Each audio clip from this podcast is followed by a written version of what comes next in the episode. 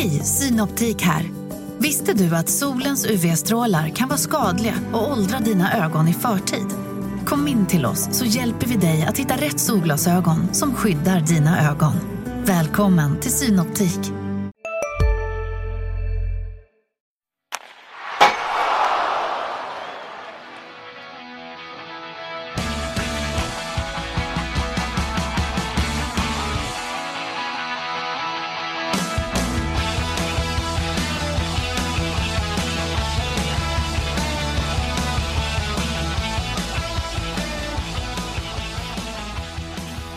Till eh, Sportklubben. Jag heter Jakob Sjölin och eh, med mig idag så har vi en speciell gäst som för de flesta av er inte behöver någon närmare presentation. Han har lyft eh, SM-bucklan som lagkapten i Södertälje SK. Han har blivit utsedd till Elitseriens bästa spelare tre gånger. Han har vunnit VM-guld, varit med i världslaget och invald i Svensk Hockeys Hall of Fame. Nu är han också 60 år.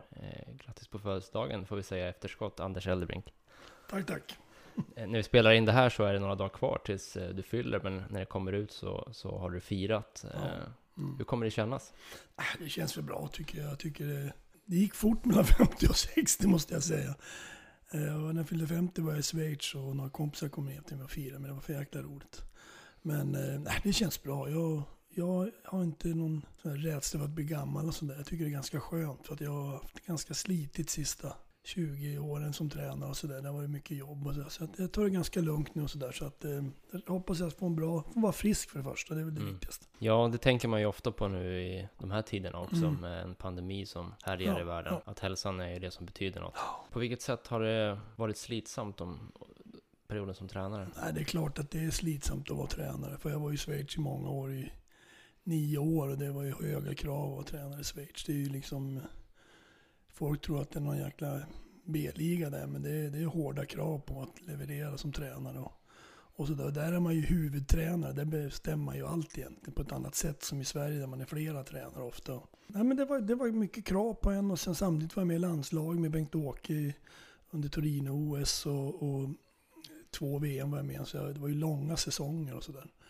Så att ibland eh, hann man ju knappt återhämta sig. För efter en säsong måste man ju ha en månad och, och tagga ner en månad av semester och sen är nästa, tredje månaden det är att bygga upp för nästa säsong. Att fundera på nya övningar, nya tankar, nytt, nya detaljer i spelet och sådär. Så att det var ju hela tiden någonting som... Så att eh, man var, det var 24 timmar om dygnet hockey bara. Det.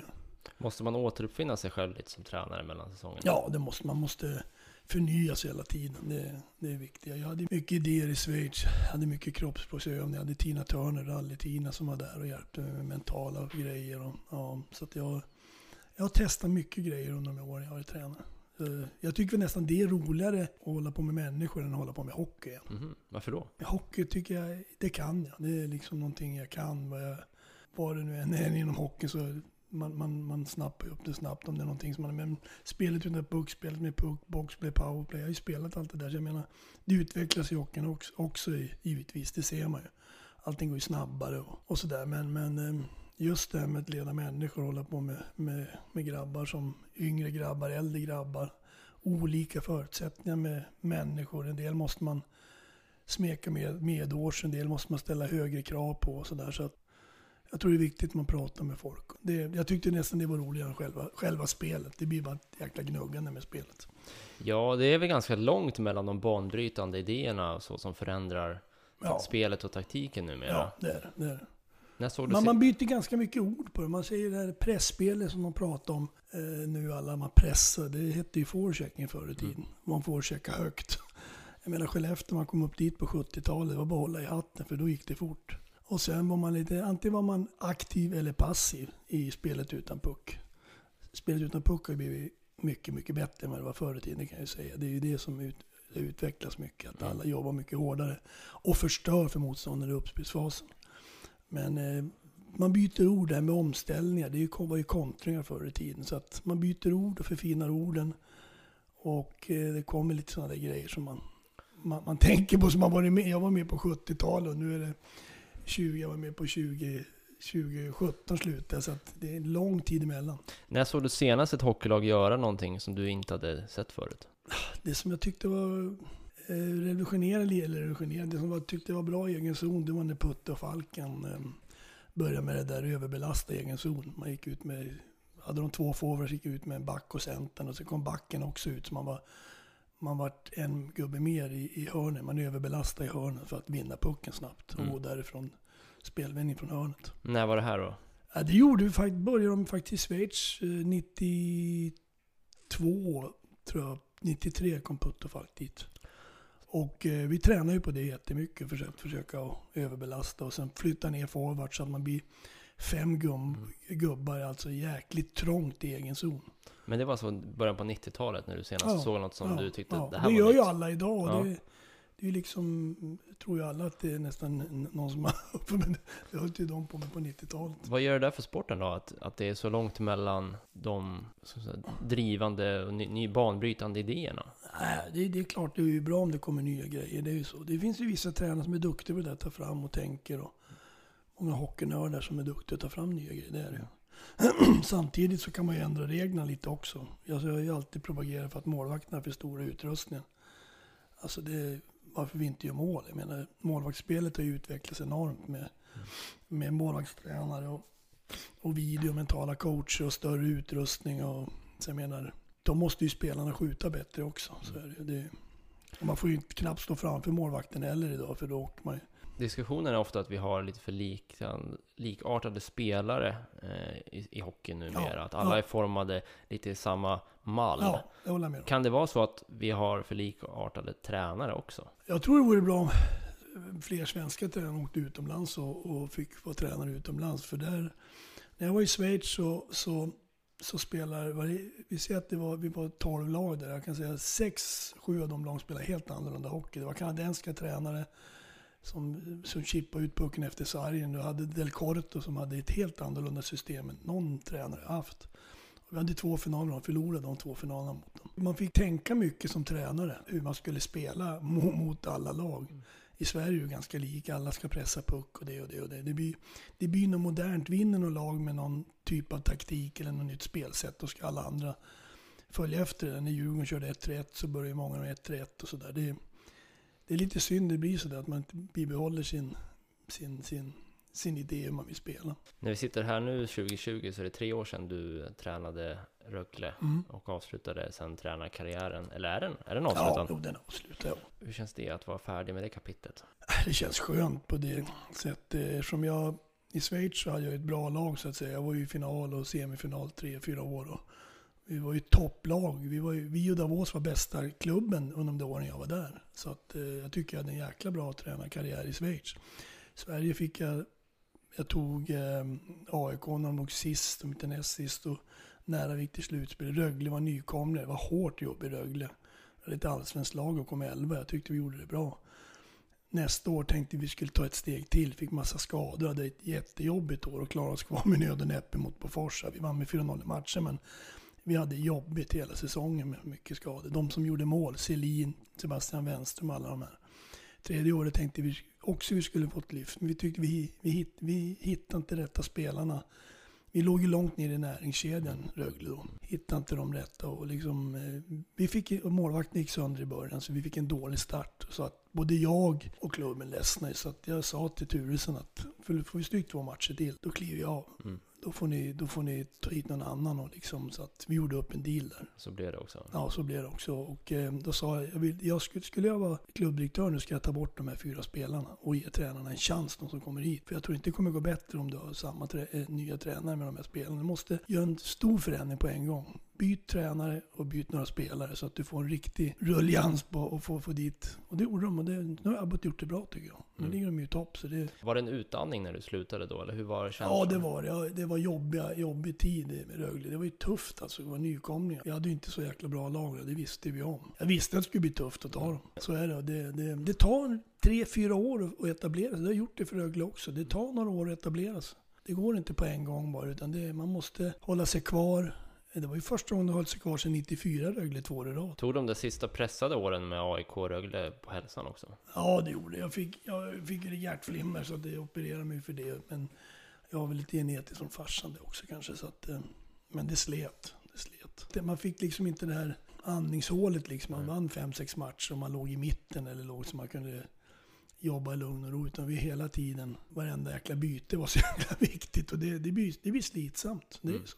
Det som var roligt under Sveriges svenska tid, det var att 2005 gick vi faktiskt till semifinal med Sportklubben. Mm. Det, det har de glömt bort, jag och Hallin. Ja, det Tyvärr, det tror jag inte att man har tyvärr glömt bort. så fick ju Timo sluta. Det var ju tråkigt tycker jag som gillar Timo. Det gör ju Mats också, vi gillar ju Timo. Men vi gick i alla fall till semifinal och gjorde det jäkla bra. Den matchserien mot Linköping är det nog många som kommer ihåg. Ja, det är den. Det, är den. det var kul. Hur var det att uppleva slutspelsmatcher i Scania-rinken igen? Ja, det var härligt. Det var Första ju... gången sedan 80-talet Ja, det ja, det var. Ja. Det, så att, eh, nej, men det var jäkla kul och speciellt när vi slog Linköping där nere i avgörande. Mikael Calder avgjorde där. Men det får mig ju osökt tänka på det här att eh, du har haft en lång tränarkarriär och du började på sätt och vis eh, med en assisterande roll i Mm. först i Timrå men sen då i två säsonger i Södertälje. Med teamet. Ja, ja. Hur kommer det sig att du aldrig blev huvudtränare i sportklubben? Så här ligger det väl till. Jag började i Timrå och Kenta ringde och frågade mig om jag ville hjälpa. Ehm, Jag körde teambildningsövningar på Solbacka då, där- Jan Guillou gick i plugget. Mhm. Så jag jobbade med teambildningsövningar med företag. Det var ganska kul. Jag lärde mig mycket med det. Och sen eh, utvärderade de jobbade i, hade massa övningar och sådär. Sen ringde Kent och sen frågade om jag ville hjälpa. Det är klart jag vill. Så om du, om du vill det så ställer jag upp. Så var vi i team och det gick ju bra i team. Och sen ringde Mats och ville ha hem igen. Eh, och då var med Timo då. Efter det året då när, när vi hade gått i semin så ville ju Mats och Dan att jag skulle bli huvudtränare. Men då hade jag redan skrivit på för Klåten. Jag skrev Okej. på under jul, Ja. i jul till med Klåten. Men var, du var tilltänkt att ta över då? Ja, de ville, de frågade mig då. Men jag sa tyvärr, jag hade skrivit på för Klåten i, vid juletid redan. För de var på mig i tid. Det där var lite av ett eh, sliding doors ögonblick i tränarkarriären kanske. Vad, hur kändes det? Nej, jag, jag, jag har ju gjort allt i slutet. Så att jag, nej, men jag var glad att åka till Klåten med. Jag har haft jävla roliga år där. Och det var kul att åka dit och bli huvudtränare. Och så hade jag min kompis som var assistent där. Men du har aldrig funderat på vad som hade kunnat blivit om du hade tagit Nej det, har, nej, det har jag inte faktiskt. Jag har inte funderat så mycket på det. Utan jag hoppas ju att sportklubben skulle etablera sig då och liksom skulle ta nästa steg på något sätt. Men det vart ju inte så. Det. Men nu sitter vi i eh, din eh, villa utanför Flen i skogarna. Mm. Eh, det finns hjortar som strövar på markerna, det är en sjö här. Jag har svårt att tänka mig en större kontrast mot ett intensivt tränarliv. Hänger det ihop med att de här sista tio åren sprang iväg och att du har velat varva ner? Nej, nej, men jag är ju norrlänning så jag är, jag är uppe i min hemgård ibland. Jag är uppe själv där. Älgjakten var jag själv där en halv månad. Nu hade, jag var själv först tre, fyra veckor. Sen hade jag taxarna med mig också som sällskap. Min fru jobbar ju. Så nej, men jag, jag, jag tycker det är skönt. Jag, jag är ingen storstadsmänniska, jag har aldrig varit. Utan tycker det är kul att åka in till Stockholm och, och sådär. Och Södertälje kanske sen. Men snabbt därifrån och, och få vara i fred. Nej, jag, jag gillar naturen, jag gillar att vara i skogen, jag gillar att... Jag kan jag gillar att vara själv också ganska mycket. Det är ganska bra. Vad är det som tilltalar med jakt? Jakt är någonting som jag fått med mig sedan jag var 12-13 år. Mina morbröder uppe i Norrbotten. Där var jakten en stor del av mångas liv där uppe. Det finns inte så mycket annat att göra på höstarna när älgjakten börjar. Så att jag var med tidigt och jaga och fick se och, och sådär. Och sen följde det med mig när 1978 började jag jaga. Jag, var, jag, var ju, jag spelade ju då också så att eh, jag tog ju, började jaga tidigt. Så att eh, var med länge i Södertälje kommun med skolvakten Sven Edström och jaga. Och Fick lära mig mycket och, med viltvård. Och, så jag har gått den långa vägen. Jag har gått med många duktiga jägare som har lärt mig mycket. Och som, som jag tror att det skulle behövas mer i, i dagens... Alltså att mentorer för unga jägare. För att de är duktiga. Gamla jägare, de är duktiga. De har gjort sina misstag, de har lärt sig. De har, Men, men du lyckades hitta tid för det under Ja, spelarkarriären ja, också? jag kom med jaktkläder till matcher ibland. Halin, Jaså? Halin var inte så glad på mig då. Men. Nej, berätta. Nej, men det kunde hända att jag på förmiddagen ibland som det var något... något vi hade rådjursjakt med, med på kommunens hotell. Så kom jag med jaktkläder då till, till uppvärmningen vid halv tolv. Och sen så värmde vi upp och sen åkte jag och käkade. åkte hem och vilade och var förberedd för matchen. Jag tyckte det var skönt att vara ute. Koppla av före matcherna. Tänkte lite på matchen. Så var det jakt, lite spänning och sådär. Jag tror det har betytt mycket för mitt, min, min mentala bit alltså inom hockeyn att jag har haft jakt. Att hitta ro. Ja, Lugn. jo, ja. Så att, eh, det är väl lite som GV säger, man sitter i ett jakttorn och, och man, man ser ingenting, man tänker inte, man, man bara sitter där. Ni vet, det är 95 procent jag inte sett ett djur, men man sitter i ett jakttorn eller man går och smyger. Eller, det är att ro i själen på något sätt. Jag tror det har hjälpt mig med, med det mentala i alla fall. Det tror jag. Det låter också som att man formar kanske egenskaper som är bra att ha under en pandemi då, när livet Ja, blir lite precis. långsammare. precis. Jag är ju hemma själv hela dagarna med taxan där. Så jag går två timmar med dem om dagen, sen är jag i skogen och jobbar säkert en tre, fyra timmar om det är bra väder. Mm. Ja, du äger en del mark också. Ja, men jag såg, jag såg mycket granbarkborre och röjer mycket. Jag gör mycket sånt själv. Fast det är stora avverkningar av maskiner. Mm. Men hur, det är ju en fråga man ställer till alla nu. Hur, hur har ditt liv eh, påverkats under coronapandemin? Ja, inte så farligt. Det är synd att man inte kan umgås med, med, med sina vänner på samma sätt. Och, och ja, sin släkt och mina grabbar. Men grabbarna umgås jag lite ändå med. Men min mamma till exempel har jag sett två gånger på ett år. Min Mm. brorsa är uppe nu i, i Norrbotten. Och vi, vi fick ju inte träffa henne förrän i var det första oktober va? Då var vi där på älgjakt så då fick vi träffa morsan. Mm. Jag har Mm. inte sett henne på. Så att det var jäkligt jobbigt på den biten. Att, för henne också säkert. Det är Mm. ingen som hälsar på henne. Men i övrigt så bor jag så jäkligt ut på landet så att jag åker bara in och handlar tid på morgonen och sen Tycker du om att idrotten rullar på un, under ett sånt här år? Ibland funderar man om de skulle ha stängt ner hockeyn helt och hållet tills det är okej med alltihop. Mm. Det känns som att vissa lag, nu har de corona och så trä, får de inte träna ordentligt så ska de spela match direkt. Och det blir liksom inte samma förutsättningar tycker jag för Nej. alla lag kanske blir, har någon slags paus men, men ändå, det blir jäkla hattig säsong på något sätt. Det är retrovecka den här veckan när vi träffas. Jag fick faktiskt en tröja av Sara med 60 på ryggen. Så att Sara Jonsson, det är hon som är Mm. marknadsansvarig. Mm. Eller Precis. Som till. håller i den här Ja, eh, kampanjen. Ja. Nej men eh, det är jättekul tycker jag. jag. Jag var faktiskt med en intervju med Sara om dagen. Jag avslutade och det att det är för jäkla kul. Man ska alltid vara noga med historien. Vi är jäkla dåliga med det i Sverige. Att, liksom, att historien, vad som har hänt med klubbar, vilka gamla spelare hit och dit, sen gammalt tillbaka, Kjell Svensson och alla de här. Men sen måste vi ju även lägga det åt sidan och liksom ha målsättning att vinna SM-guld någon gång. Och, och, em, det tror jag är viktigt så vi inte lever kvar i 85-tiden hela Mm. tiden. Det, Vi Mm. har nog gjort det i Södertälje tror jag ganska länge. På vilket sätt? Det är ju 35 år sedan. Det är ju det. Nej men på, jag tycker på något sätt om man jämför, ja 85 då hade vi bra lag och det och det. Men det, vi ska ha ett bra lag i Södertälje.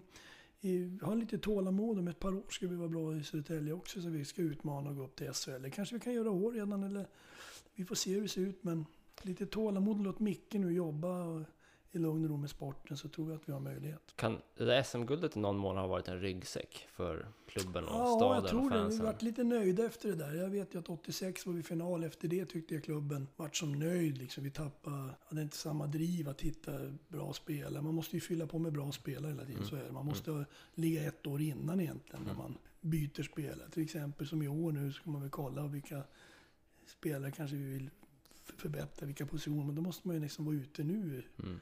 God tid innan. Och det var vi dåliga på i Södertälje Ja. Du var inne på det där lite i intervjuer. Du sa att ni tappade kring organisationen efter SM-guldet. Ja, Eh, jag tycker, jag tycker vi... vi tappade Vi hungern. hade ju fantastiska Nisse Andersson och Sonny och Anders Nordström och alla, Per From och Ingvar Malm gjorde ett jättejobb på 80-talet. Fan vad de drev klubben. Det var ju drivkraft. Alltså Nisse var en jäkla energikälla. Han körde på vet, och gjorde ju sportkontakten själv. Och Mm. Hade väl mycket tid, han hade eget företag och sådär. Men, Men var det, var det flera av dem som slutade ja, jag arbeta också runt att de klubben? skulle, jag, jag, jag var ju kritisk till dem. Jag, jag, jag, jag var ju kritisk om det också. Jag kan ju vara kritisk om allt möjligt. Men när det gäller hockey kan jag vara kritisk Ja. tycker jag. Mycket annat ska, Ja. jag, ska jag hålla käften om. Men jag sa till dem, ni måste skaffa någon som kan hockey. Någon som ser hockey, som, som ser hockey. Vi måste ha någon som reser och kollar spelare. Så vi är illa ute. Jag- Redan då alltså? Ja, jag kände, jag var ju kapten så Mm. jag kunde ju hålla på och tjafsa med dem. Jag tyckte det började liksom barka redan då där liksom och, och med, med spelare. Vi fyllde inte på med rätt spelare och vi vart inte till. Vi, vi, det, det liksom gick och då tänkte jag, nu då gör jag något annat. Jag hade ju anbud för Lugano ju sedan 86 från Slättvoll och sen var ju Kurre Lindström tränare i Klåten så han ringde och tjatade på mig. Så då gick jag ju till Klåten 90 då. Mm. Men det jag, var... jag kände som att vi tappade, vi tappade organisationen just med att hit, sportsliga organisationen, inte det andra biten med marknadssida och pengar och ekonomi och allt sånt där. Det var ju Nisse jäklig på. Och, och övriga styrelsen. Men just eh, sportsliga biten tappade vi. Vem var det som, fanns det någon som skötte det där innan eller hur? Nej, det var ju de som hade gjort det. Det var ju Mm. Nisse och Anders Nordström och ja, Sonny och From var med. Det var ju de liksom som skötte det där. Och fick säkert hjälp av någon gammal spelare lite grann. sådär. Men man skulle haft en kille som skulle vara lite före då, anställt en halv, sportchef på halvtid. Just det. För som det är, en, ett dåligt nyförvärv, det kanske är en lön för en sportchef. Mm, precis. Så är det ju liksom så att vi, vi, vi tappade där tycker jag. Och sen rann det iväg och sen har det varit hattigt hela vägen. Sen hände det ganska mycket ungefär när du, de åren du var i Schweiz. Då började det bli riktigt mer Ja. kommersialiserat och professionaliserat i precis. Sverige ja, med. Ja. Men Percy klev in i, Mm, i Malmö så började mm. det hända grejer med lönerna och så. Mm. Eh, samtidigt som SSK var i division 1. Börs hade anbud tre år i rad. då. Du hade det? Ja, slutet av 80-talet. Varför nobbade du honom då? Nej, jag kan inte åka till Malmö och spela i Icken. Jag bara spelar i en svensk klubb, det är jag stolt över. Det var viktigt för dig. Ja, pengar är inte allt. Jag har bra minne med Södertälje. och Det är min klubb. Så är det. Han la plånboken på bordet, Percy. Ja, men han var ju på, han var ju, han var ju ganska fräck pers. Han var ju på, på landslagssamlingarna dök han upp. Ja. När alla bästa spelare i Sverige, då var han där vet, och snackade med folk. Och, så förbundsledningen var ju inte så glad att han... Blev det en snackis i omklädningsrummet? Ja, det var det väl lite. Pekka gick ju dit och de där bästa. Så det, Mm. Nej, jag var inte intresserad. Jag sa det tidigt. Utan, utan jag ville vara kvar. Och, och sen gick jag till Schweiz istället. Så kom jag ju tillbaka. Så jag bara spelade i en svensk Mm. klubb. Det är ganska... Det är ganska ovanligt. Ja, Numera i alla fall. numera är det så. Mm. Du har ju sett den här hockeystan eh, sen du var liten och kom hit Mm. på 60-talet. Ja. Då började du spela hockey, jag antar att det var på Månskensrinken? Ja, jag var och tittade på SSK på Månskensrinken 69. Innan Scanarinken var klar. Hur upplevde du hockeykulturen i Södertälje då? Det var ju starkt då. Det var ju fantastiskt vilket lag de hade.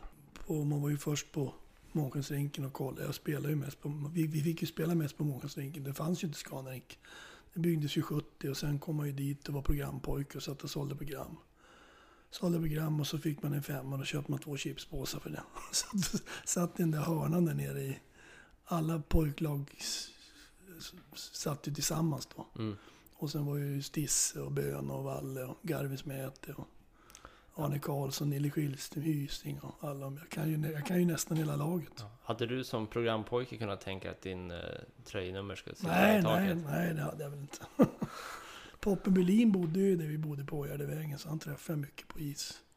Han är en grabb som heter Pierre så att man, det var ju idolerna så att det var ju, stod man och tiggde i klubban när de gick ut i gången där. Man har ju varit med från början och liksom växt upp med SSK så det är klart att man Vad var det som gjorde Och sen Scanarinken hade ju inga sittplatser då. Eller Nej. det var ju ståplatser på båda sidorna där. så man kunde få in över 10 Ja, 000? det var ju sittplatser på sidorna. Men inte Mm. ståplatser på hela kortsidorna. Mm. Det där är ganska häftigt. Det var ju Jag, 11 och 2 mot Brynäs då. jag var, jag tror det var 11 och 2. ja, precis. Jag är häftigt med stora ståplatsarenor. Ja, jag har varit ja. på hockey i Davos där de har Ja, det var de. Ja, ja, ståplats på nästan... Ja, Ja. det- vi mötte dem i finalen. Det var utsålt jämt. Ja. Och i våran hall också. De står bredvid varandra, publiken, och gungar. Mm, Fansen. Bråkar aldrig. Nej, ja, på, faktiskt på den matchen jag Gjorde var på det? så Ja, det blev, det, blev, blev det... Mellan... Det var derby, Davos mot uh, Bern tror jag. Ja, det kan det bli bråk och uh, matchvärdarna skickade ut all publik och sa spring, spring, Jaha, för nu är, det, upp, ja. nu är det slagsmål. Nej, men i Klåten och Davos, de hade, det, det är två kulturklubbar och de, de bråkar aldrig. Mm. Men vart det bråk mellan Klåten och Lugano ibland, då sköt polisen gummikulor på fansen. Oj, Sköt med gevär, gummikulor. Där är det annat. utanför arenan. Utanför arenan. Jagade dem i skogen och sköt gummikul på. Ja, det är är det annat än i Sverige. hårda tag. Ja. Hur, hur förhåller man sig till sånt som coach? Ja, ja. För man måste ju fått frågor om det på presskonferens och sådär ibland, eller? Nej. Det var bara så det var? Ja, så är det så. Okej. Det, är, det är ordning och reda där. Ja, okej. Ja, ja. Men som ungdomsspelare, vad var det som gjorde att du blev biten av hockeyn? Nej, Jag spelade ju fotboll också och var väl hyfsad på det i alla fall. Men, men, eh, nej, men jag tyckte hockey var mer... För jag hade ju anlag för hockey. Jag kände ju det. Det gick ju bra tidigt och sådär. Så att fick ju vara med tidigt i A-laget. Jag var ju 16 år och en månad då. och eh, jag var ju lika stor då nästan som jag var nu. Jag var ju liten som tusen när jag föddes. Men jag Mm. vart stor snabbt och sen var jag 1,83 när jag var 16 nästan. Så att, eh, jag tog ju för mig direkt. Jag och Hallin kom ju med nästan samtidigt. Så vi var ju, vi var ju ganska jobbiga tror jag de övriga spelarna. Lite orespekt så där hade vi båda två. Och tyckte om att smälla på de här gamla och reta upp dem lite. Det var inga tonåringar med mössan i hand? nej, det var inte det. Vi, Absolut inte Mats i alla fall. Nej. Nej, vi var båda två, så vi, vi var ju bäster så redan då, Mats och jag, tidigt. Du kom upp och spelade med Valtin tidigt. Mm, Ehm, Och han var också din backpartner när du debuterade i Tre Kronor. mm, mm. Vad betydde han för din tidiga karriär? Nej, Mats var ju spelskicklig som tusan. Och det, eh, vi tänkte väl hockey på samma sätt ungefär. Vi hade ungefär samma spelintelligens om man säger så. Mm. Vi var, tänkte samma och läste varandra bra. Vad andra skulle göra så gjorde han så. Han var ju lite mindre än mig då. Under VM 81 så vet jag, då sa jag åt jag gå ut i hörnet, stå framför mål. Jag gick ut i båda hörnen för jag var stark som fan då. Jag hade tränat hårt. Jag vägde, vägde över 90 kilo, 92-93 kilo. Så att, ja, vi gjorde vad, vi, vi passade ihop på något sätt. Mm. Jag gillar Valle, han var en duktig spelare. Jag var ju lite besviken, det har sagt i tidningen förut, det som hände med Mats nu. I SSK? Ja, nu i slutet när han stack att behandla en sån bra kille på det viset. Det jag. Jag hörde med fans och skit att det var mycket skriverier på social media. Då vet de inte vad Mats har gjort för SSK och svensk hockey tycker jag när man gör så. Vad är det de missar då tycker du? Nej, men jag tycker de förstår inte. Det är samma som i... Man måste ha respekt för... för han gör ju sitt bästa för att laget ska vinna som tränare och sådär. Men ändå får man massa skit. Och sen har också han gjort mycket för, för klubben och för, för svensk hockey. Jag menar i Kanada står de och kör vågen när det kommer in en sån där spelare. Mm. Jag var, när jag var sportchef i Linköping, i alla fall nästan gjort 200 landskamper, vunnit VM-guld och tre silver. De hånar mig i Linköping. De hånar med folk. De kallar mig allt möjligt. Det skulle de aldrig göra i, i Kanada Vad fick du stå ut med? allt möjligt. Jag vill inte säga det här men alltså, det är tråkigt att höra. Utan man, på ett annat sätt. I Kanada är det... Har du gjort något bra i Kanada och, och då har du respekt för att du, det du har gjort. Och Sverige på något sätt, det, det går fort. Fans som inte har sett dig spela eller vad du har gjort tidigare, de behandlar det som en... Du menar att- vi glömmer kollektivt? Ja, man glöm, glö- glömmer bort vad de har gjort för, för, för klubben och för, för hockeyn. För ju spelat till Kronor 200 landskamper eller mer, 220 eller något sånt där. Och blir betraktad som jävla idiot här sista året han var tränare i SSK. Sen att de får stryk så det är väl en annan sak. Men måste ändå... Jag vet ju att det var mycket snack på och jag, jag tror inte han mådde så bra av det. Och det, det gjorde mig jäkligt besviken på folk, alltså att man Mm. behandlar dem på det viset. Men tror du att det är ett svenskt fenomen eller handlar det om att det är ett, ett internetfenomen nu när... Ja, det är det väl också. Det kan det säkert vara. Det, man, man vet ju inte vem som säger ens. De bara slänger ur sig massa skit. Men jag tycker det har blivit så i Sverige också. Det är tränare. Det går dåligt för ett lag. De hänger ut tränare. Det är ett jävla liv på tränaren och Mm. vissa spelare. Och jag tycker det är synd att det har blivit så där. Det är, Kanada är en förebild på det där. Och där behandlar de folk bra på det viset. Tycker jag de har gjort något bra. Men man ska ju behandla alla människor bra. Man ska ändå ha respekt för vad de har gjort för klubben och för, för hockeyn och sådär. Vi kan komma in på det när det gäller Kanada. Du gjorde ju två NHL-säsonger. Mm, mm. Hur var det att komma dit? För att eh, det var inte helt eh, smärtfritt. eh, Om man... Nej, jag, jag, jag, jag hade ju fyra eller fem anbud från Montreal, vilka var det? Montreal, Vancouver, hade New Jersey. Det var två, tre, fyra, fyra lag tror jag. Sen tog jag Vancouver för att det var mycket svenskar där. Mm. Gardin var bland annat. Gardin och P.O. Brasa, Lars Molin, Lasse Lindgren. Det var jäkligt. Vi var ju i final då. Jag fick ju spela final. Men jag gjorde i laxen efter 40 matcher så jag var borta halva säsongen. Jag fick spela final så jag har varit med och spelat final i alla fall. Mm. Men vi fick ju stryk fyra raka av Islanders. Mm. Och eh, det var ju annorlunda. Då ville jag att man skulle... Jag ville ju spela pucken då. Jag var väl... Eh, jag ville väl spela lite för mycket, lite för förklädd. Jag ville man skulle lägga sarg ut och liksom spela enkelt och sådär. Jag ville ju försöka passa pucken på bladet så får man fick en möjlighet att göra någonting och inte bara skicka ut den. Men var det Vancouver som spelade på det sättet eller var det mer eran i Nej, det var nog tränarna i i det laget. De ville ha större backar och mer fysiska backar. Jag, jag valde nog lite fel där tror jag. Men samtidigt kanske jag inte var riktigt redo heller för att spela NHL. Det var lite annan tid. Det var inte så många. Det var ju bara vi svenskar där då. Det fanns ju inga tjecker och inga ryssar. Och, några finnar. Tio finnar kanske. Så var vi kanske 15, 16, 17 svenskar. Kanske 20. Så har man ju hört eh, de andra NHL-svenskar från den perioden och kanske lite tidigare att man har berättat om ganska hårt klimat när man kom över. Ja, det var, Hur upplevde du det? Första träningen, vi skulle ha sån här scrimmage, då, träningsspel. Då kom ju en back han hette Butcher, vad namnet säger. Butcher. Han var stor som ett hus och slogs så in i helskotta. Han kom jag skulle slåss med varje hela tiden. För jag var högerback och jag skulle ta hans jobb. Så det var ju det, det snacket att don't come over here and take my job. Mm. Så att, jag har ju sett så mycket när jag var där så att ska jag berätta det skulle jag få sitta flera timmar. Alltså det var hemska grejer. Kan du ge något exempel? Nej, men det var ju slagsmål. Det var ju råa grejer och det var man hade ingen respekt. Ingen respekt för varandra spelarna. De slogs ju som dårar. Vet du. Och det, det var äta eller äta, så var det. Och då som svensk då fick man ju men, åka till åka till Spektrum och spela i, i, i Philadelphia. Det var inte så jäkla roligt. Bobby Clark och alla de här. Mm. Broad Street Ja, Bullies. Vi är specialister på det vi gör, precis som du. Därför försäkrar vi på Swedea bara småföretag, som ditt. För oss är små företag alltid större än stora och vår företagsförsäkring anpassar sig helt efter firmans förutsättningar. Gå in på swedea.se företag och jämför själv.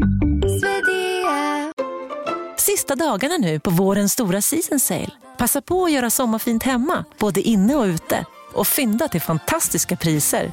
Måndagen den 6 maj avslutar vi med Kvällsöppet i 21. Välkommen till Mio. Så, vi, vi vann med 7-2 den matchen med Vancouver, men fy fan. Man var lite smårädd. Inför matchen. Ja, Blåby Clark slog med varmarna, vet man, inga tänder, ingen hjälm eller någonting. Man slog inte tillbaks. Nej. Man åkte och bytte bara. Nej men alltså det var skillnad alltså. De var, var råa, stora, råskinn alltså. Nu har ju NHL förändrats rätt Ja, rejält. det har de. Men den här slagsmålskulturen finns ju i någon mån kvar. Och Mm. åtminstone i debatten och i någon mån kanske på isen ibland också. Ja. Eh, titt som tätt dyker upp diskussioner om att vi borde ha slagsmål i Sverige för det Mm, sätter i respekt och så vidare. Att man då skulle få bukt med hjärnskakningarna. Vad tycker du om slagsmålskulturen som finns i hockeyn? Det är väl ingenting jag, ingenting jag tycker att vi ska ha i Sverige, det tycker jag inte. Skulle det hända så är det väl okej, men det är ingenting som vi ska premiera. Så får någon bonus om de slåss med sig. Nej men alltså det... Händer det så händer men det är ingenting jag tycker man ska beivra. Däremot tycker jag det har blivit så jäkla mycket med tacklingar nu. Det är, så fort någon blir tacklad så blir de utvisade. Det är ju försvunnit själva kamp, kampmomentet. Har det där? Ja, men Stisse han tog ju flera på match. Det var jublade ju folk. Det var ju troféer när de tittade ner i isen när han klev upp och satte en axel i bröstet på. Vet, på träningar ibland när jag kom och dribblade ner huvudet. Tittade man upp, då stod Stisse och sa du titta upp annars så åker ambulans. Fick Ja. man lära sig att göra, bara titta upp. När Ja. pucken tittar upp. Stisse han kom alltid när man, att han var ju otrolig timing på att ta spelare som åkte och borrade och släppte droppass och så kom han där. Men eh, jag, jag menar ju inte att man ska, jag har ju haft många hjärnskakningar själv och det, är inte så bra. Men eh, blivit så att så fort det är en tackling så blir det jäkla liv på spelare och i bås och hit och dit. Men är det inte ofta att man lite så... Jag, jag tycker att det kan gå slentrian i att man säger att kampmomentet har försvunnit. Mm. Nej, det har inte försvunnit, men jag menar, det jämför 85 när vi final, när det var slashing och allt, man slog folk i armarna och man Mm. liksom crosscheckade folk framför mål och hit och dit. Det var en jäkla skillnad. Absolut. En jäkla skillnad alltså. När vi mötte Djurgården i final, det var hårt. Mörten och Södringen, det var inga roliga killar. ja. Men det är liksom, och vi hade Ekedö för Borg, och Bosse och alla. Vi, vi spelade ju tufft också allihopa. Mm. Så det är en jäkla skillnad det har blivit. Det har blivit, det har blivit nästan så att blir, jag vet inte vad jag ska säga om det där. Jag pratade med en av de journalister som hade, har bevakat din karriär längst, Uffe Hammarlund, som var Ja, sportreporter och chefredaktör Ja, länge på ja, LT. Och, och jag har haft mycket med honom att göra. Han eh, trodde att om du hade bitit dig kvar i, haft lite flyt i NHL så hade du kunnat haft en Börje Salming-karriär där borta. Vad, vad tänker du själv om det där? Och kanske, kanske det... Alltså Almi var jävligt bra. Han var bra. Han var bra. Nej, så bra hade det aldrig blivit. Men, eh, Nej, men, nej. fundera, hur funderade du kring Nej, det? men jag har aldrig funderat på det. Jag tycker jag har haft så jäkla bra karriär och så jäkla roligt. Och, Jag tänker mer på det här valet att om du, om du skulle fortsätta då i Nordamerika eller Mm, flytta jag fick hem. ju flera anbud när jag åkte Mm. hem sen. Mm. När jag spelade farmarlaget så det- vann jag skytteligan tror jag, hela AL då. Och fick, han som var tränare där då, vart ju, han hette Jacques Demer, så vart tränare i St. Louis. Jag tror han vann med Montreal sen Stanley Cup. Han ville ha dit mig till St. Louis och spela med min kompis som jag spelade med i farmarlaget. Så jag stod hemma och stekte blodpund och ringde telefon. Då var det Jacques som ringde till mig. Nu måste du komma över, sa han. Nej, fan, jag har ju skrivit på kontrakt. Nej, men vi, vi löser det. Vi köper ut. Nej, det vart aldrig av. Varför stannade du i Sverige? Jag hade fått barn, vi hade fått barn och sådär. Jag tyckte det, det var slitsamt för, för familjen. Bättre karriär kanske jag haft än jag hade än om jag hade varit kvar. Du hade kanske inte haft ett SM-guld? Nej, precis. Och det, det är nästan roligare. Hur högt rankar du det i karriären? Nej, men det är väl kul givetvis. Jag har vunnit många grejer. Jag har vunnit tre gånger i Schweiz och VM-guld. Alla, alla har sitt, liksom en SSKs guld. Och det var ju kul att jag höll till bucklan och fick den av Rickard Fagerlund. Ja, Det är någonting som jag kommer ihåg. Han tittade med ögonen och sa, fan vad roligt, sa han. Det tyckte jag var kul när Rickard stod och sa det. Ja, han är, För han är ju också, SSK. också en SSK, ja. Ja. precis. Vad är det mest minnesvärda på vägen mot den, eh, den segern för, för det laget? Ja, det är nog, det är nog finalen nästan. I Himmelstalund? Ja, det var ju på neutral plan då. Så man åkte förbi den, tänker man varenda gång jag åker förbi där på motorvägen. Himmelstalunds. Guldhallen. Ni hade ju bra lag flera år i rad där. Ja. Varför vann ni just 85? Men här, vi hade bra spelare. Vi hade tre center som var toppklass. Masken, Wallin, Glenna. Hade Hardy var bra i mål. Mm. Vi hade backar, Ekroth, Bosse Eriksson. Vilka spelare? Bosse och Förborg. Ekroth, Malin och jag, Steffe Jonsson. Och sen tror jag Hjellstedt var sjunde va? Mm, kan det vara. kedja hade vi Glenna, Tom och Conny, Masken, R1 och Mäketal och alla. Jag tror de gjorde ju över 20 mål, 6-7 spelare. Wallin, Säcken och Reine Landgren. Jäkla bra lag vet du. Det är ärgiriga spelare. Ärgiriga. Ärgiriga och ville vinna tillsammans. Tjuriga. Tjuriga på träningar. Funkar inte på träning, var tjurig. Tjurig på två mål när whiskycupen eller julskinkcupen, vi kallar den för, när det var två mål. Vi tränade ju hårt över jul jämt med Timo. Timo var bra, han var ung. Ärgirig tränare, duktig att få ihop färdiga spelare. Timo var ex- exponerad, det gjorde han med Malmö också. Duktig att se vilka, vilka ska spela med vem. Ställa lite krav på dem. Hur funkade det i det omklädningsrummet när ni hade sämre perioder? Nej, det, jag var ju tjurig och tjaf, tjafsade med alla och flera var tjuriga. Och det, säcken, vet du, det... Många tjurskallar, vet du. Det var inte lätt att vara kapten med alla de jävla tokskallarna. Vem var svårast att hålla reda på? Nej, men det var ju... Det var ju... Det var ju liksom... Ja, men det var, vi var ett skönt gäng på något sätt. Och när det gick dåligt några matcher, fick vi stryk två matcher i rad. Det var ju kaos nästan. Det var nästan kris i klubben. Stryk två matcher i rad, det var ju kris. Hur räddade ni ut det? Ja, då var det, vart det, vart spel, för förlorade vi två och spelade dåligt tredje så då sa jag till teamet nu, för vi spelar ju söndagar då. Då är det bastu och bärs på Skogshöjd. Bastu, bärs och räkmacka. Så åkte vi upp dit alla efter, efter eh, träning, hela laget. Mm. Och sen var ett jävla liv i bastun, skällde på varandra. Du då? Du har inte gjort någonting på tre matcher. Du, det var ett tjafs hela tiden. Så ni Och ut din det? femma, ni spelade minus tre förra matchen. Hur fan? Ja, det var, ja, men det var mycket tjafs och sådär. Och så sen, ja, var den kvällen borta. Sen lördag och sen var det match på söndag. Vann vi. Då kom vi dit alla jävlar. Då har man, har man fått sin skopa någon. Att man, att man var så att det var en härligt gäng på det viset. Det, Så det var viktigt jag tror för att det, det jag, jag, jag brukar ju prata om det här med att sätta krav på varann. Jag varit intervjuad av Wikgård i Simon en gång och då sa hur är det med den här generationen? Jag sa att de är dåliga att sätta krav på varandra för att jag tror inte de känner varandra heller riktigt. Som människor, jag och Glenna skällde på varandra ofta. Och sen fick man ringa och be om ursäkt på kvällen, senare på kvällen. För man, bara för att vi, liksom, vi ville få ut det bästa av varandra. Mm. Jag skällde nog mer på honom han skällde på mig. Han backcheckade dåligt så jag var på. Vad fan, du måste ju ta din gubbe, släppte vi in ett mål, det gillar jag inte. Så fick man ju ringa och be om ursäkt på kvällen. Men jag menar, man kunde sätta krav på varandra på ett bra sätt för att laget skulle vinna. Och det var ju positiv kritik så att säga. Mm. Det tror jag tror de har svårt för idag, för de byter lag så mycket. De känner inte varandra riktigt heller.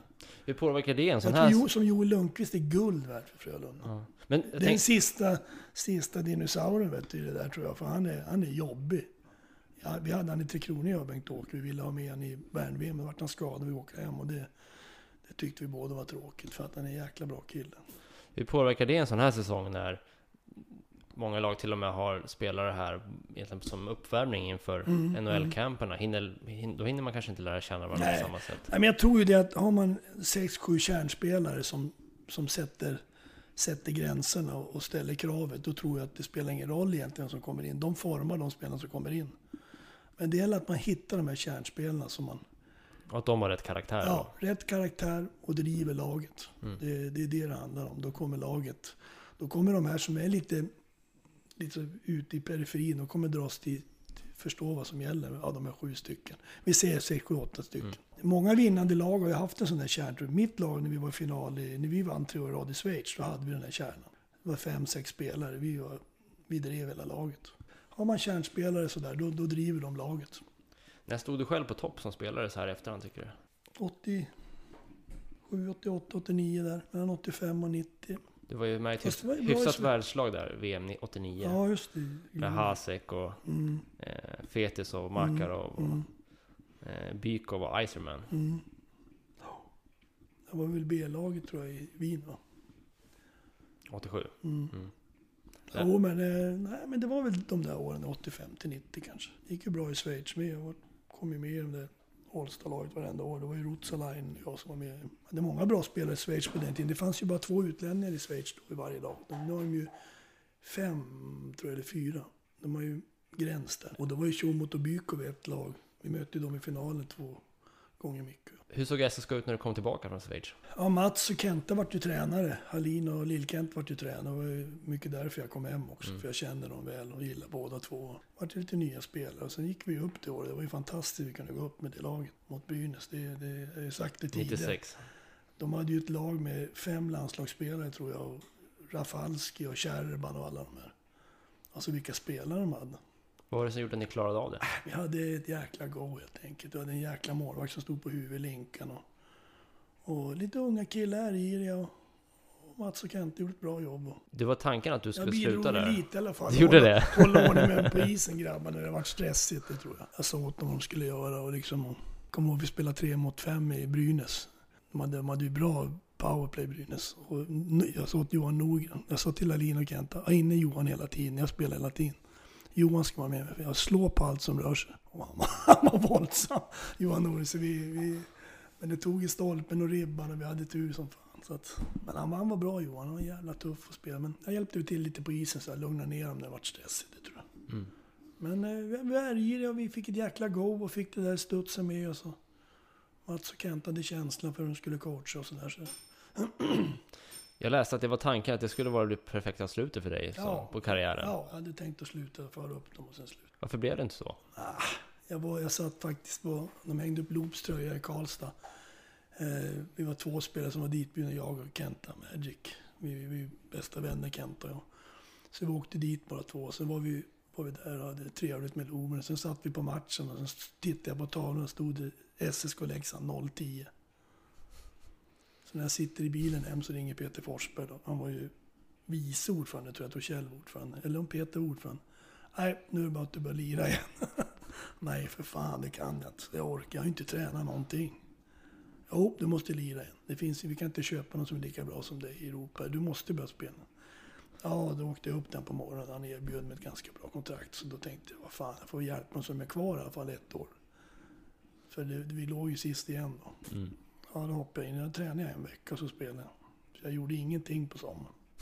Hur gick det då? Ja, jag vann, jag tror jag vann skytteligan ett lag. Jag och Dalarna hade 32 poäng och sånt där. Kändes det... Nej, men jag, jag, jag tänkte att vi ställer upp och försöker och kände som att... Samtidigt, jag jobbade ju på Scania första året jag kom hem. Det var ganska jobbigt, nytt jobb och hit och dit. Det var, det var lite slitsamt sådär. Vet, mina grabbar började spela hockey och vet, Mm. man ska skjutsa dem. Och det är mycket sådär runt omkring som, som gjorde att... Och sen spela i Södertälje, man känner alla, det går dåligt och hit och dit, snackar med alla. Kan man tänka på något annat eh, än SSK om man jobbar på Scania och det går nej, dåligt? det går inte. Men, ändå. Det, det, det året var vi med i toppen i alla fall. Det var ju allsvenskan då vi var. Så att, nej, men det var jäkla roliga matcher 96 då. Det var ju vågen i Scanarinken. Jävlar vilken stämning Mm. Det glömmer jag aldrig. Vet du. Folk stod upp och körde vågen när vi, när vi vann mot Brynäs. Läck, läckra matcher. min gamla kollega kom ut på isen, Arne Karlsson. Jag tror Arne Karlsson var ordförande, så var det nog. Okej. Ja. Han kom ut på isen och åkte runt. Det var för jäkla kul. Istället så blev det avslut på karriären några år senare Mm. med ett stolpskott. Ja, vad tråkigt. Uppe i Umeå. Det var annorlunda. Ja, vi var ju mycket bättre än, än både Linköping och Löven. Men det blir sådär mentalt lite kollaps. Förlorat mycket under säsongen och inte fick... Spela inte avslappnat, stressa i lägen när vi hade målchanser och sådär. Det är massor med målchanser mot Löven. Mm. De var ju fri flera gånger i spelen och missade. Det Och så sköt jag stolpen. Det var, de gjorde ju 1-0 tidigt. Ja, hade vi gjort 1-1 så hade vi klarat oss med en pinne. Jag sköt, gick på insidan av stolpen, stolpe ut. Att, men vi hade mycket andra chanser också. Men det var aldrig aktuellt att spela vidare sen. Nej, jag vart ju sportchef efter det. Så Mm. att det, Det var bestämt redan. ja, var bestämt. Ja, det, då var jag 38, 39 år. 38. Ja. Skulle fylla 39. Det var, jag, var, jag var hade spelat elithockey 22-23 år. Vet du. Jag var sliten. Vet du. Jag hade ont i ryggen varenda match jag spelade. Mentalt jobbigt. Vet du. Man har två grabbar som spelar. Man ska sitta och köra dem och hit och dit. Och man fick aldrig liksom koppla av riktigt på något sätt. Du var redo att kliva in i rollen som eh, Ja, hockeypappa ja, och ledare istället? Ja, försökte. Och sen det värsta var, vi hade ju inte en enda spelare. Vet du. Jag tror Robban Karlsson skrev på den 10-11 maj. Vi hade ingen lag, vi hade ingen klubb. Det fanns ingen, ingen spelare. Vi, alla kontrakt sades ju upp. Så Peter Forsberg, jag tror vi träffade 100 spelare nästan. Vi for runt överallt. Hade en plan att dammsuga Stockholmsområdet, Lidingö, alla de här lagen, Almtuna. Och, Mm. För att och liksom få ihop ett lag. Mm. Och inte bli så dyrt, vi hade inga pengar. Då jobbar ju killarna också. Vet du. Men, och ni tappade spelare som ni hade haft året innan? Ja, Som, alla kontrakt sades ju upp. som Jo- Jocke Eriksson och Ja. Micke Samuelsson. Och, Gällstedt Mm. och alla de här. så Ja. eh, det blev en hård start som sportchef. Ja, fy fan. Det var... Men vi, var ju, vi gick ju nästan... Vi var ju toppen ändå när, när säsongen var slut. Men, Och, an- och andra säsongen så gick ni upp. ja, men så gick bra. Mm. Men nu när du kan blicka tillbaka på ett hockeyliv eh, som tränare, som spelare, vad, vad har det gett dig framför allt? det har gett mig, det har gett mig ganska mycket, måste jag säga. Ja, bra ekonomi har jag ju fått, det kan jag inte säga. Jag har inte tjänat de pengarna som, som killarna tjänar idag. Det är långt, långt därifrån. Det är det enda jag gör nu, det är att jag köper mig lite tid att göra det jag tycker är roligt, jobba i skogen och sådär.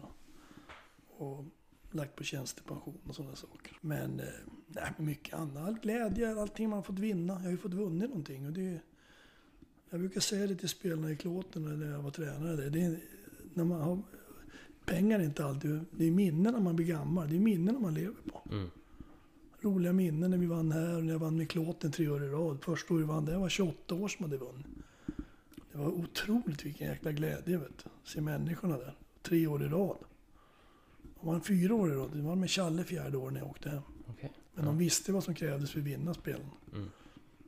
VM-guldet i Wien var ju otroligt. Det var ju första året sen 25 år också med ryssarnas bästa lag. Det var ju... Det trodde ju alla att vi, vi kände ju att vi började komma ifatt dem där i slutet av 80-talet. Hur tänker du kring att du blivit utsedd till SSKs bästa spelare genom tiderna? Ja, det är ju klart. Det beror på vilka som röstar givetvis.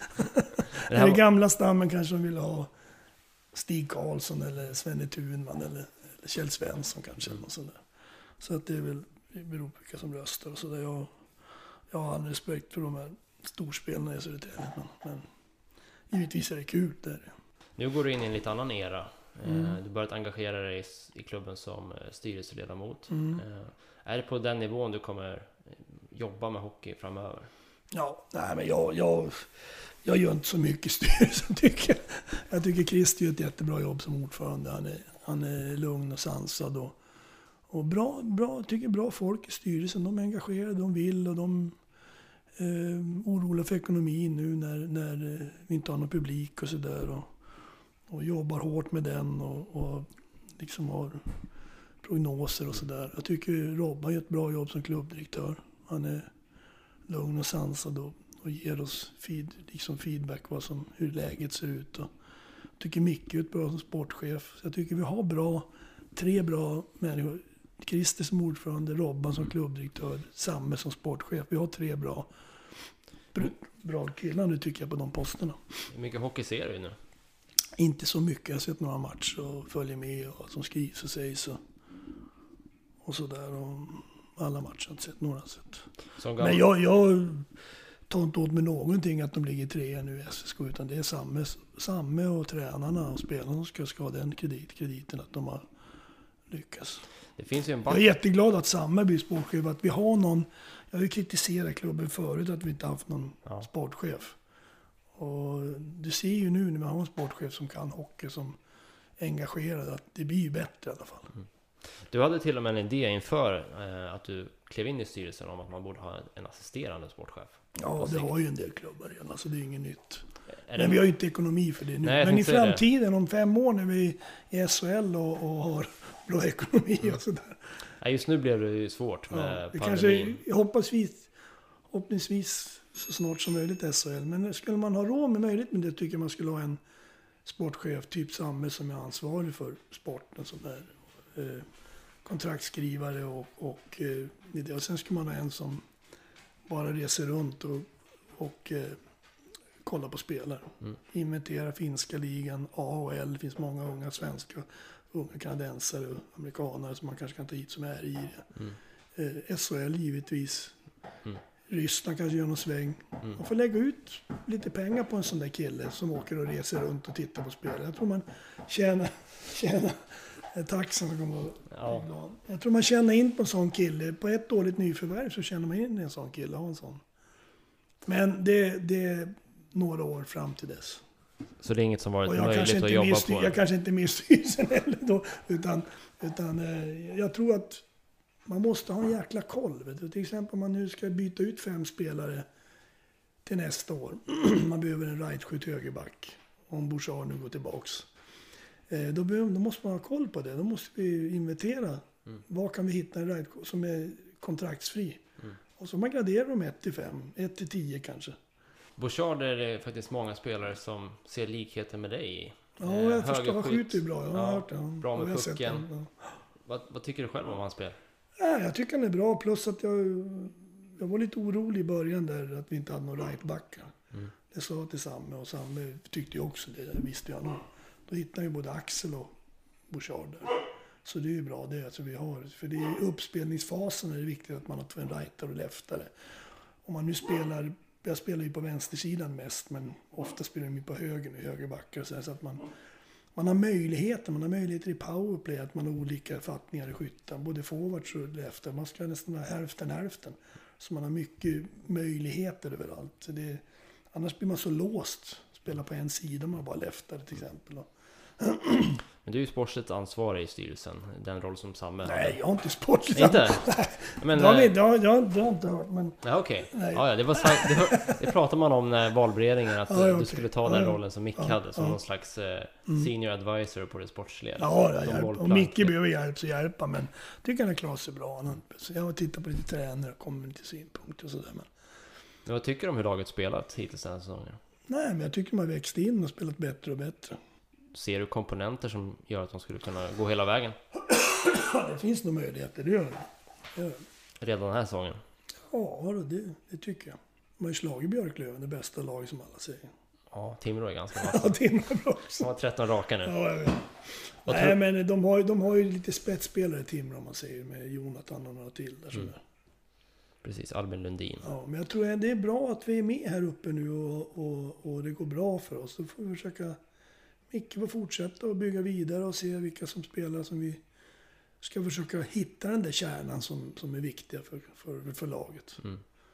Och det, kan vi hitta en kärna då tror jag att det, det, det kommer att bli stabilt. Du har ju annars en fråga som du, jag vet att du arbetar mycket med i styrelsen, eh, som handlar om hur SSK tar hand om gamla spelare och, och tillvaratar deras kompetenser. Mm. Nej, men jag, jag, jag är tycker att många lag i Sverige är dåliga på det. det är, NHL är ju fantastiskt på det, använder de gamla spelen. Och det är ju inte på något sätt att jag vill ha in mina polare på något sätt hit och dit. Utan man måste uppskatta vad man gjort för klubben och använda dem.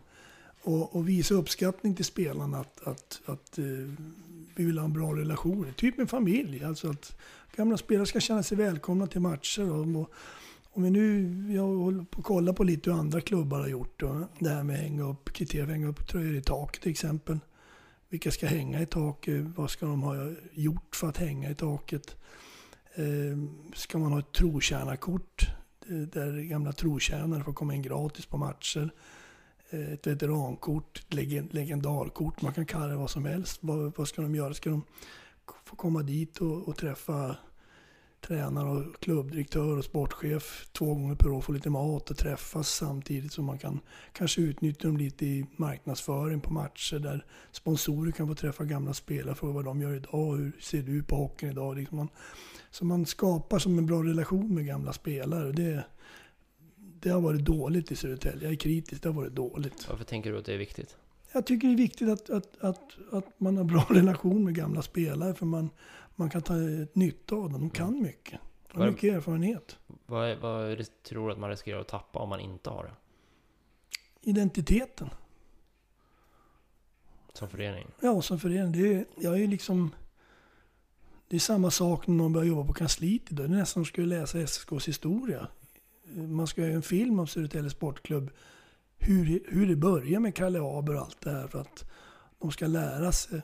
Vad, vad jobbar de i för företag? De jobbar i Södertälje Sportklubb. Det här är historien. Mm. Det är ungefär som man jobbar på Scania. Man kanske får lära sig om Scania när, hur det börjar och sådär. Det är samma med SSK. Så att när, när det kommer upp en gammal spelare på kansliet, då ska de veta vem det är egentligen. Och liksom, hej vad kul att du är här och hälsar på. Kom på en kaffe och sådär. Så liksom, det är nästan som man skulle vilja ha som, alltid, som IFK Göteborg, Kamratgården. De mm. träffas alla där. Jag tror att klubben blir starkare. Man får en bra identitet och man får en bra relation med spelare som kanske blir höga företagsledare eller har kontakt med sponsorer. Man får en mycket bättre nätverk om man har bra relation med gamla spelare. Även, även juniorer som inte får spela längre. Tänk en junior idag, man spetsar till juniorlaget så här, du, tyvärr får inte du plats att spela här längre. Han kanske kan bli tränare eller Precis. någonting. Och det är också en aspekt. Ja, man måste använda dem här så att man inte bara skickar ut dem i, i, i inte, då blir han eh, negativ till klubben och sen så kanske han blir en hög företagsledare någonstans. Mm. Nej, jag vill inte sponsra SSK för de behandlade mig jäkligt illa när jag var junior. Den spelaren kanske absolut inte blir en åskådare Nej, precis. på läktaren. Nej. Det är också en, ja. en, en, del i det hela. Ja, det är så mycket grejer som gör att... Eh, jag säger inte att allt har varit dåligt det vi har gjort i SS, men vi har inte varit bra på den biten tycker jag. Och det är många klubbar som inte är bra. Många klubbar är bra på det, många är sämre. Ett av Robert Anderssons, eh, jag tror att det i alla fall var hans initiativ i SUBK, var mm. att införa en typ Hall of Fame eh, mm, i klubben. Mm, mm, är det något du skulle vilja se i SSK? Ja, ja, vi har ju ett elitkort där vi är ett antal som är ett elitmärke som man får in på matchen och sådär. Så det har vi. Mm. Fast man skulle ju ha något typ sånt där tycker jag. Mm. Och göra ett museum om, om SSK. Det har vi pratat om sen jag var där. Det är ju 20 år sedan jag var marknadsansvarig. 25 år sedan. Vi pratade om det redan då. Jag var ju hämta historien nere i Täljekällaren då. Alla gamla grejer. Gamla SSKs eh, historia, matchprogram och allting. Jag vet inte var de ligger nu men jag hade matchprogram från 30-talet. Okay. Ja. Så man skulle kunna göra ett museum så att man liksom de vet vad Södertälje är en av de mest historiska klubbarna i Sverige. Så är det. det förstår inte folk, men så är det. Ni har inga planer på att hänga upp någon ny tröja i taket? Ja, vi har ju diskuterat det, så att vi, vi, vi håller på att se över liksom kriterierna för det. Okej, okay. du kan inte släppa en nyhet? Nej, nej. nej ja, det, det, det är ju styrelsen som får ta det beslutet, eller vem det nu blir som får göra det. Om du skulle få bestämma, vem eh, skulle vara närmast till hans? Din första coach kanske? Det vet vem det är. Kjell Svensson? Mm. Han hade kunnat bli eh, för, första NHL-proffset också. Mm. Och Kjell, Kjell ska hänga i taket. Det är, det är några till, men Kjell, Kjell ska absolut, tycker jag. Du sa att det gick snabbt mellan 50 och 60. Mm. Eh, för att runda av det här och knyta tillbaka till början. Vad, vad ser du att eh, eh kommer prägla mellan 60 och 70? Nej, jag kommer försöka att sköta mina skogar så jag håller mig igång fysiskt sett och sen ska jag försöka ja, ta det lugnt bara och supporta mina grabbar och sådär. Vad tror du sportklubben tar vägen under samma tidsperiod? Jag tror att vi kommer gå upp i SHL. Jag tror vi kommer gå upp i SHL. Vilket år vet jag inte, men jag tror att får vi ha den kontinuiteten nu med, med, med Robban, klubbdirektör, kanske Christer som ordförande om man orkar. Nu har inte haft två lätta år. Börja förra det kan man inte där, säga. Och sen där corona, det är ja. tufft för honom. Mm. Så att vi har lite kontinuitet i vår klubben. Och Samme som sportchef, jag hoppas att han vill hålla på en 5-6 år med det här nu. Så att vi får lite kontinuitet och idéer sätter sig i klubben så att det inte blir något nytt som kommer in och det blir nya idéer. Och har vi den kontinuiteten i klubben, då tror jag att vi kommer gå upp. Och det, det är någonting när klubben har saknat kontinuitet. Mm. Hur skulle det kännas för dig? Ja, det skulle vara skitkul. Vi är nog många som skulle glädjas med det. det jag och Conny och Hallin och, och tyvärr inte Glenna med men vi käkar lunch ibland när Glenna levde. Och hade väl en dröm att vi skulle gå upp någon gång så vi får gå och titta på match tillsammans. Vi är många gamla spelare som skulle tycka att det var jäkligt skoj. Och få ja. vinna en gång till och sitta på läktaren och njuta. Precis. Kör vågen. Som, som, som mot Brynäs. Som fan, ja precis. Får se om du drar igång den då. då. Ja, det gör jag gärna. Om det, är går vi så långt så ska jag fan Ja, då tar vi det som ett löfte. Ja, precis. Det gör Då drar du igång vågen. Då drar jag igång vågen. Ja, ja vi får vänta på den dagen. Jag ja. får eh, tacka så mycket för att du gästade här och mm. eh, hopp, önskar dig ett eh, gott firande här i slutet av veckan. Tack så mycket. Eh, med det så rundar vi av här i Sportklubben. Eh, ni har lyssnat på podden som ni hittar på Spotify, iTunes eller valfri eh, podcastapp. Missa inte heller att eh, prenumerera på avsnitten där och eh, såklart så följer ni oss på Hockeypuls och eh, LT-appen. Och eh, med det säger jag eh, god jul och på återseende i mellandagarna. Hej hej!